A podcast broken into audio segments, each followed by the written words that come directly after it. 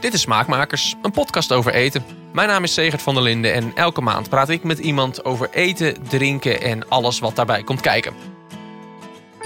Voor de eerste aflevering nam ik plaats aan de keukentafel van Karen Luiten. Karen is culinair journalist, kookboekenschrijfster en voor Trouw maakt ze elke week een bekend pakje na. Maar dan zonder smaakversterkers, conserveringsmiddelen of stabilisatoren, maar gewoon met echte ingrediënten. Ik mocht proeven van koekjes waarvan het recept hopelijk snel in trouw staat. En een goed gesprek met haar voeren over honig, bloggen en kip met chips. Maar eerst had ik een cadeautje voor haar. Ja, ik ga beginnen met iets. Ik heb een, eh, een klein cadeautje meegenomen van de week. eh, ik dacht, ja, ik kan natuurlijk niet zomaar op bezoek komen. Dit overkomt u vast vaker, denk ik. Dat mensen zomaar ineens aankomen en dat je denkt, Met een cadeautje. met zo'n Oh. soort cadeautje. Ik kwam dit tegen van de week in de supermarkt. Ja, Kun je even voorlezen wat het... dit is eh eh Dr. Utker mix voor luchtige botercrème. Ja, dit soort zakjes vind ik altijd enig. Want ik, ga dan, ik draai ze altijd meteen om. Dan ga kijken wat zit erin. Eerst hoofdingrediënt suiker. Tweede ingrediënt ook suiker. Maar dat noemen ze dan gedroogde glucosesiroop. En dan vet en dan weer suiker en dan tarwezetmeel. En dan- ja, dit, dit is, dit is een, een dit is eigenlijk heel grappig. Ja, ik voel- En dan moet je zelf boter toevoegen waarschijnlijk. Of margarine zal het al wel wezen. Nee, het staat wel zachte boter. Ja. Ja. Ja, boter. Ja, je moet zelf inderdaad. Het is mix voor botercrème. Ik, ik, op de voorkant stond inderdaad zelf toevoegen boter en melk. Ja. Dus het is eigenlijk een pakje suiker. ja, suiker. En er zitten wat stabilisatoren in. Want botercrème, als je dat te snel eh, klopt... en of de, of de temperatuurverschillen zijn te groot... dan, eh, dan gaat het schiften. Ja. Schiet het in schrift, zoals kijkers van heel Holland kennen. dus dan, dit is typisch zo'n product waarvan een pakjesfabrikant denkt van, oh ja, mensen zijn dom en die weten niks en we gaan ze helpen. Ehm, en ik denk, ja, op deze manier hou je mensen dom. En de- de- ja, ik, nee, als mensen dit willen gebruiken, prima. Maar weet je, je hebt ook zakjes met merengue mix. En dan moet je dan zelf eiwit bij doen. Ik, jongens. Iets geks, ja, ja. Ja, en die, die, die- het kost allemaal toch weer een hoop geld. En het, ze doen het allemaal voorkomen alsof, alsof koken zonder die zakjes en die pakjes heel erg moeilijk is en ingewikkeld en veel tijd kost. En dat, dat is gewoon niet waar. En daar strijd ik tegen. Daar vecht jij tegen. Ja. Is, Ja. Dit, is dit een, een pakje dat in, eh, in, jouw, eh, in jouw rubriek in trouw terecht zou kunnen komen? Oh ja, prima. Ja, nee, ik hou hem ook hoor. Ik, eh, ik ga er wel wat mee doen. Heel goed. En, en hoe, hoe gaat dat in zijn werk? Ik neem aan, jij ergens in die week denk jij, ik ga nu... eh, pakje X heb ik gevonden, dat ga ik namaken. Hoe, hoe ga je dan te werk? Ja, je, je bent natuurlijk door het hele jaar be- heen bezig met dingen. Het is niet zo van dat ik denk van, oh, het is maandag, ik moet er donderdag één hebben. Dus Nee. nee. dus mensen sturen ook heel veel mailtjes met verzoeknummers. Dus dat zet me vaak al op, op een spoor. Ik, ik kom natuurlijk heel vaak in de supermarkt. Dus ik, ik kijk altijd om me heen van wat zie ik. Dus ik heb een hele voorraad dingen waar ik mee bezig ben. En soms ehm, lukt een recept ook niet in één keer. Dus dan, dan duurt het een tijdje voordat ik echt iets heb waarvan ik denk... ja, dit, dit is zoals ik het wil en zoals het echt lekker is en makkelijk is. Want ik ben ook, ja, ik, als het enigszins kan, probeer ik wel wat hoekjes af te snijden. Om, nou ja, ook omdat... Behapbaar te maken misschien Om het wel. ja, letterlijk behapbaar. Omdat mensen denken, ja, koken, en daar heb ik allemaal geen tijd voor en geen puff in. eh, dus eh, ja, dan probeer ik toch te zorgen dat het zo toegankelijk mogelijk is. Zonder dat ik eh, de- ja, concessies doe aan de smaak.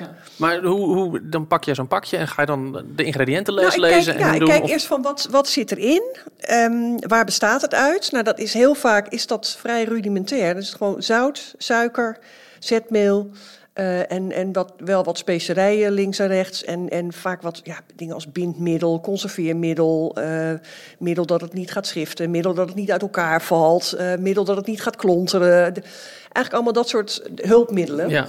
En dan kijk ik van wat moet je er zelf bij doen. Nou, dat is heel vaak bij pakjes nog een indrukwekkende rij van tien eh, Ja, ingrediënten. Nou, zoals de botercrème bijvoorbeeld, dat je toch nog de essentiële Ja. onderdelen zelf toe moet voegen. Hè? Precies, dus dat zijn eigenlijk de, de, de cruciale elementen van een gerecht. Als je die nog zelf er los bij moet doen, dan denk ik, ja, waar heb je dan dat pakje voor nodig? Ja, ja. En dan, dan, ja, dan, dan probeer ik gewoon eens wat uit. Ja, dat is het gewoon. Door de Dat week en dan ga je gewoon Ja, een paar keer proberen. En, gebaseerd op, eh, op heel veel eh, ervaring. Ik, ja, ik kook al mijn hele leven en dat is gewoon begonnen met, met dingen uitproberen. En ja, dan, dan mislukken dingen wel eens. Maar op een gegeven moment heb je door waarom dingen mislukken.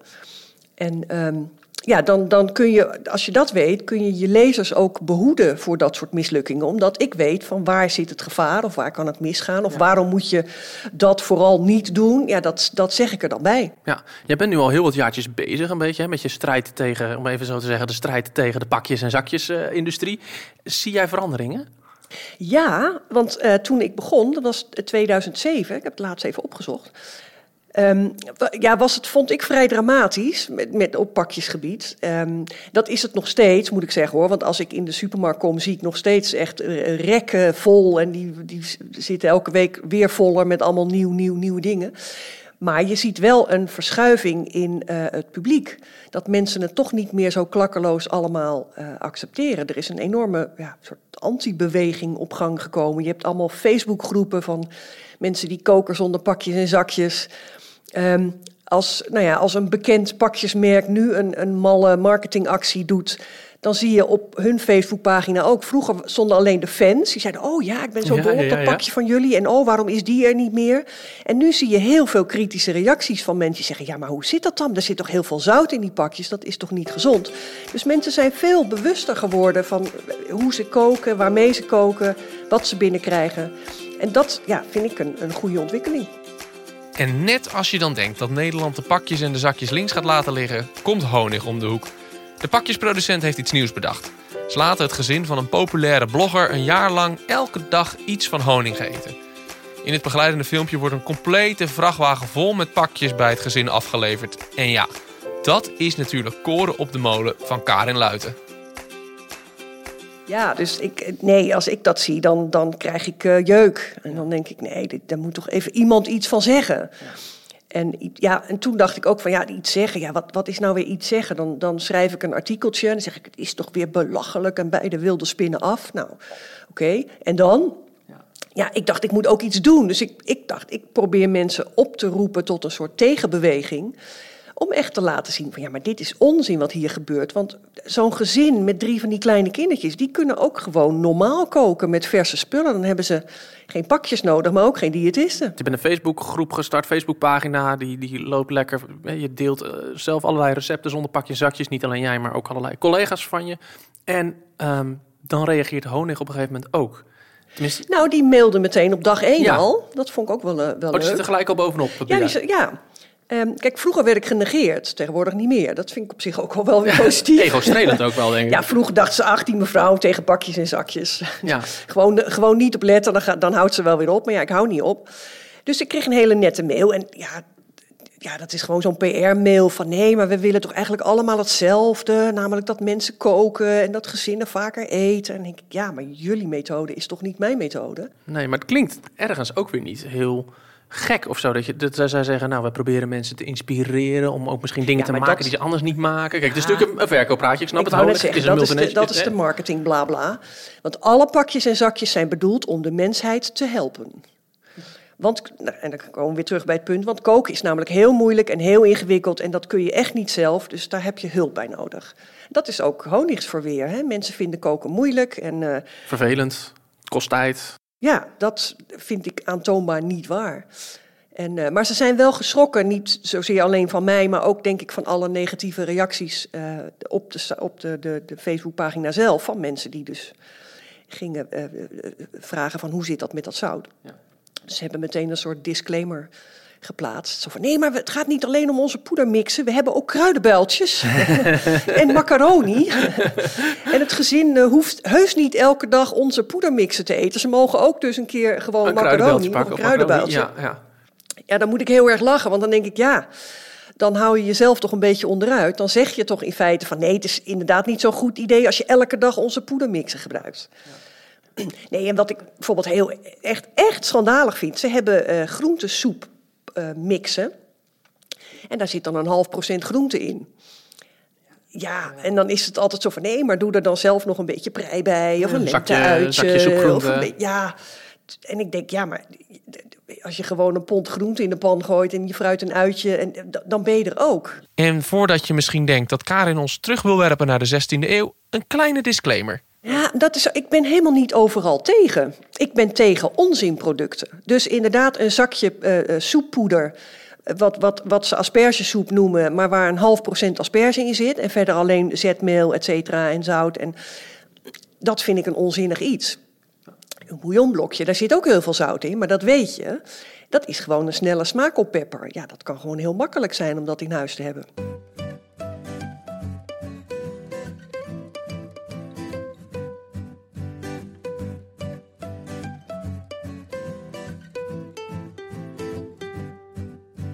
Is tegenwoordig niet meer voor te stellen, maar in 2005 stonden recepten nog gewoon in boeken en haalde niemand het in zijn hoofd om zijn bord eten op Instagram te zetten.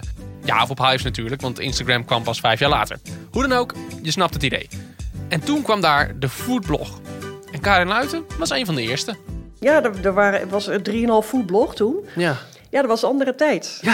grappig, ja. hoe, hoe kom je dan toch? Ik bedoel, dan ben je toch wel een van. Heb je een uniek idee gehad daar toen een keer? Nou, het ontstond ook weer uit toeval. Ik had een baan en ik verveelde me de tandjes en ik wist niet wat ik moest.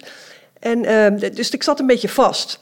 en dan ga je nadenken van, eh, van hé, ja, wat vind ik nou echt leuk om te doen in het leven? Het enige wat ik kon verzinnen was koken en tekenen. Zo van, ja, wat kan je daar nou mee? En toen zei een vriend, nou ja, je kan natuurlijk een website beginnen met recepten en dan tekeningetjes. Toen dacht ik, oké, website. Nou ja, en hij, hij wist wel iemand die dan een simpel siteje voor me kon bouwen. En, dus ik, ik pakte al die schoenendozen met, met al die uitgeknipte losse papiertjes met receptjes. En ik dacht, nou, begin ze gewoon te typen en... En, en, ik maakte tekeningetjes erbij, heel simpel, van bordjes met eten en een poppetje. Dat was dan mijn alter ego, Karin, poppetje met zes haren. En, en ik kreeg er enorm veel energie van. En, uh, en uh, ja, toen ging op een gegeven moment die site online. En um, toen ben ik ook daarna een, een, blog begonnen, omdat ik merkte ook van, ik, vind, ja, ik, ik hou van taal, ik hou van schrijven. Um, in een recept kun je niet heel veel tekst kwijt, behalve men nemen een ei. Dat is natuurlijk ja, heel instructief ja. allemaal. heel basic, ja. Ik wilde ook gewoon dingen vertellen over eten of een mening of nou op wat voor manier dan ook. En dan is een blog ideaal, want ja, je, je, je typt het en je zet het erop en hoppa, het is de wereld in. En, ja, en vervolgens kreeg ik al heel snel heel veel bezoekers. En, uh, en ik, maar vooral ik, omdat ik er zoveel energie van kreeg, dacht ik van ja, hier moet, toch, hier moet er toch meer mee kunnen. En dus baan opgezegd en uh, ja, diepe ingestapt. En dat, ja, dat ging. Uh, ja, dat, dat, heel veel mensen vonden dat heel dapper en ik vond het heel logisch. Ik dacht, ja, maar anders kom ik nooit ergens. Ja, en nu zit je hier. Hoe, een heel aantal kookboeken verder. Uh, twaalf boeken. Twaalf boeken en, inmiddels. Ja, zes ja. scheurkalenders ook nog. Ja. Ook nog, ja. ja. Inmiddels uh, ja, ben jij natuurlijk een van de vele. Het, het, het aantal blogs is ontploft uh, de afgelopen jaren. Volg je dat een beetje? Hou je een beetje bij wie, wat? Nou, ik, ik noem mezelf ook heel nadrukkelijk geen blogger meer. Want ik denk, ja, ik ben geen blogger, weet je. Dat, ik ben culinair journalist. Ik schrijf voor een krant. Ik ben kookboekenschrijver, want ik schrijf kookboeken. En een, blog, de blogwereld is heel erg veranderd. En uh, ja, vroeger waren het gewoon, net als ik ben begonnen, gewoon hobbyisten die hun recepten wilden delen met de rest van de wereld. En nu zie je heel erg dat, dat ja, bloggers willen vaak geld verdienen. Dat is de insteek van het blog. Dus die gaan allerlei samenwerkingen aan die ik dan vaak een beetje dubieus vind. En wat ik aan de andere kant ook wel snap, want als je echt uh, geld wil verdienen met een blog. Ja, mensen die, de bezoekers die komen, die elke dag een gratis recept verwachten, die betalen niet. Ja. Dus ja, waar moet je dan van leven? Ja. Dus het is een beetje een, ik vind het een perfide model. Ja, maar goed, ik heb gelukkig andere inkomstenbronnen, dus ik blijf er wel bij bloggen. Omdat ja, het is gewoon te leuk en te makkelijk en te luxe om je eigen medium te hebben. Maar ja, het is niet mijn doel om elke dag uh, gratis recepten online te zetten. En dat ik, dat ik miljoenen views wil hebben, dat, daar gaat het mij helemaal niet om. Dat Karin kan koken, dat mag duidelijk zijn. Maar waar komt die liefde en kennis dan vandaan? Nou, daarvoor moeten we een aantal jaartjes terug in de tijd. Een voorliefde voor appeltaarten werd na de middelbare schooltijd noodgedwongen uitgebouwd tot een liefde voor koken in zijn algemeen. En dat allemaal met dank aan een Zwitsers gezin. Ik vond als kind uh, vond ik appeltaarten bakken heel leuk. Dus, Wie niet? Welk ja, kind was niet? Ver voor de cupcake rage. Ik bakte appeltaarten in allerlei soorten en maten. En koken heb ik eigenlijk niet geleerd. Thuis niet, vroeger niet, op school niet, nergens niet. En um, na mijn middelbare school ging ik een jaar au pair naar Zwitserland, toevallig.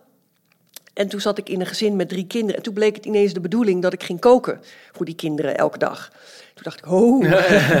Daar sta je dan uh, als zevenjarige. Ja, ja, Met appeltaarten kom je dan niet echt heel ver.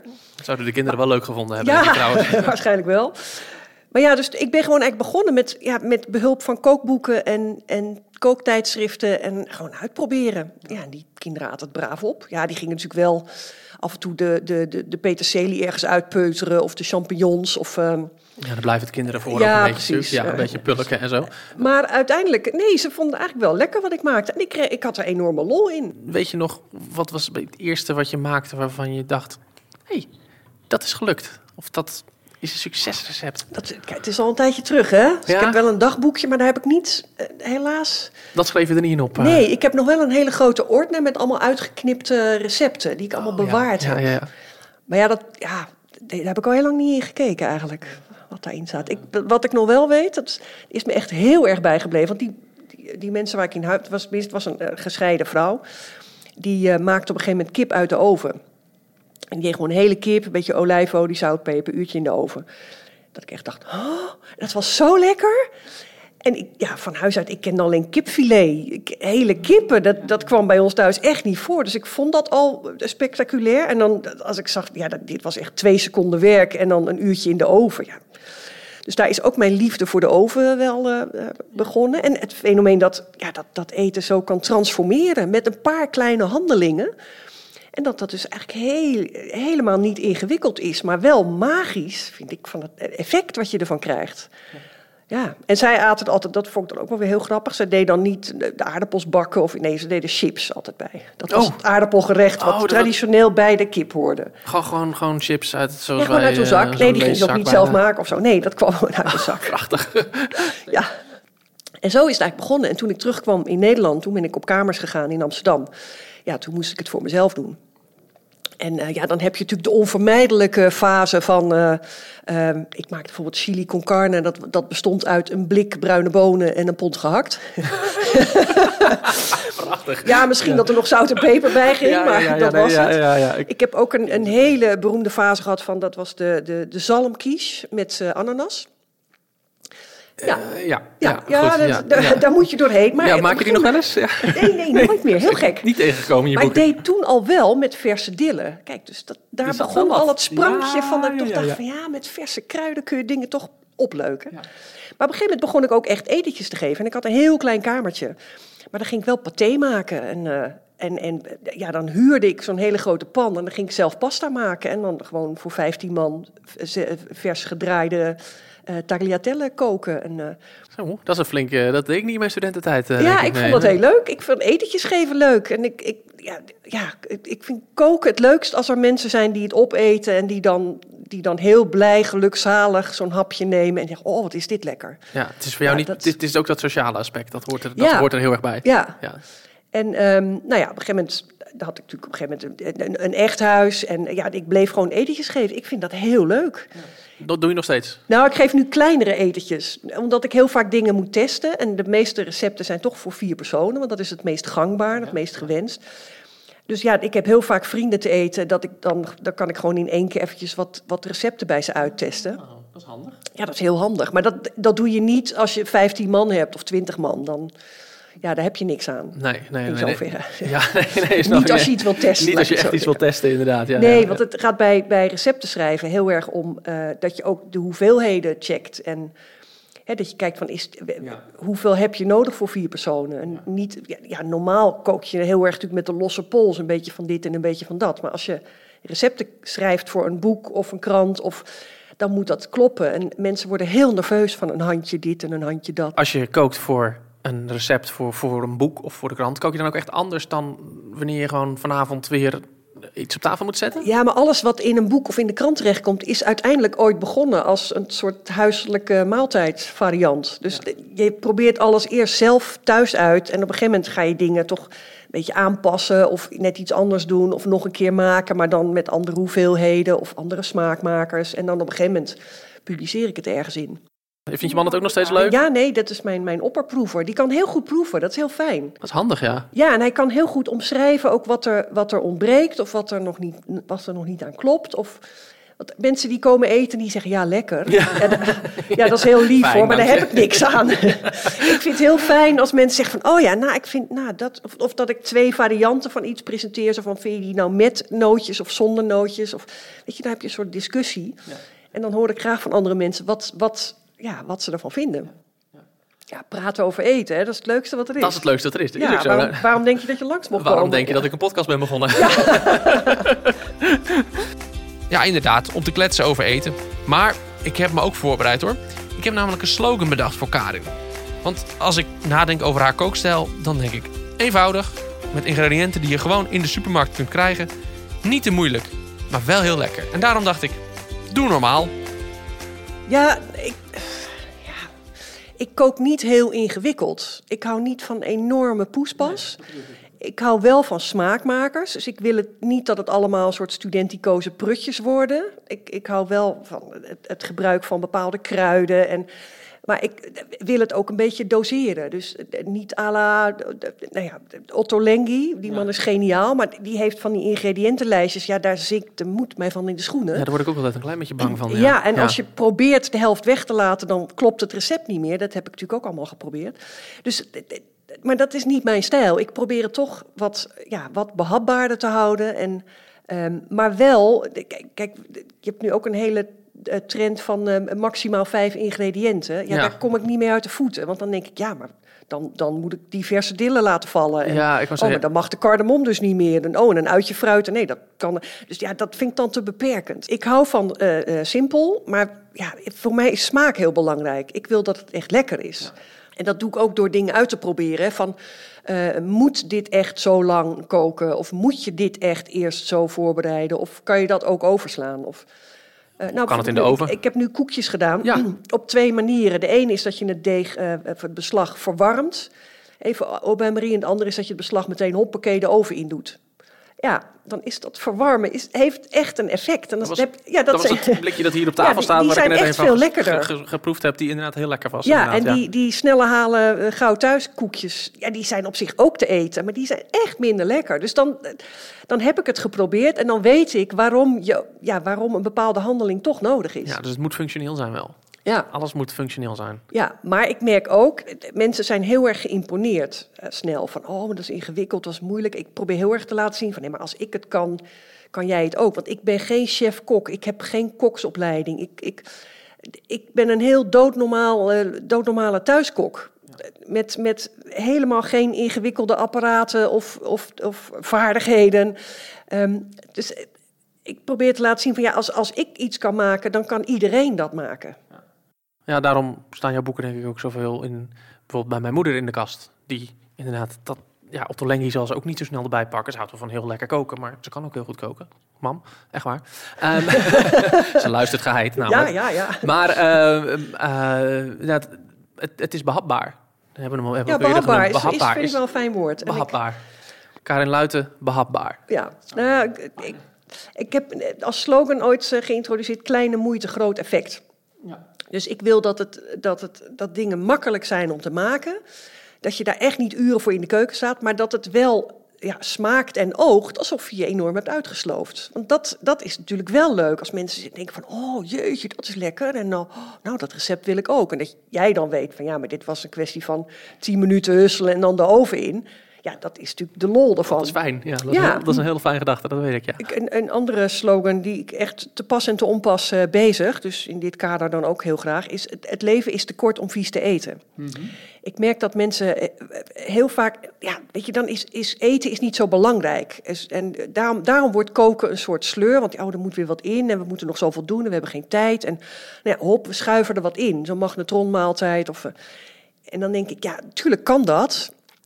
Maar eh, ga nou eens even rustig zitten, neem een hap en proef. En denk, is dit nou echt lekker? Of is het gewoon vulling voor de maag? Ja, dan denk ik, dat is toch zonde? Je kan met, met even een paar handelingen kun je ook iets maken wat wel lekker is. En ja, als, maar als je echt geen interesse hebt in eten en het maakt je geen bal uit wat er op je bord ligt, ja, weet je, dan, dan moet je mij ook niet hebben. Dan moet je gewoon doen wat je zelf eh, belangrijk vindt. Maar ik denk van als je met een paar handelingen het leven lekkerder kunt maken, waarom zou je het dan niet doen? Daar wordt het toch alleen maar leuker van. En dat vonden wij een mooi einde van dit gesprek. En daarmee dus ook van de eerste aflevering van Smaakmakers. Nou, hopelijk heb je er net zo van genoten als ik. Mocht je meer willen weten, check dan de site smaakmakerspodcast.com of facebook.com slash smaakmakerspodcast. Karin kun je natuurlijk ook volgen. Dat doe je op kokenmetkarin.nl of op alle mogelijke social media die je kent. Dat toffe logo dat je bij de podcast ziet staan, dat is gemaakt door Rob van DT Proost. Check dtproost.com als je meer van zijn werk wilt zien. En wellicht kan hij ook wat voor jou betekenen. Volgende maand ben ik er weer. Dan is Bas Robben mijn gast. Nou, groot kans dat je hem de afgelopen tijd wel ergens voorbij hebt zien komen. Hij heeft namelijk net een heel tof nieuw boek uit. Het heet Vet en het gaat ook over vet. Daar ga ik dus uitgebreid over spreken met hem en dat hoor je volgende maand. Tot die tijd, check Smaakmakers in je podcast-app en geef daar vooral ook een waardering en een, uh, schrijf misschien een kleine review. Dat helpt namelijk weer. Apple zorgt er dan weer voor met hun algoritmes dat andere mensen sneller mijn podcast vinden. En dat zou ik heel tof vinden. Volgende maand ben ik er weer. Tot dan!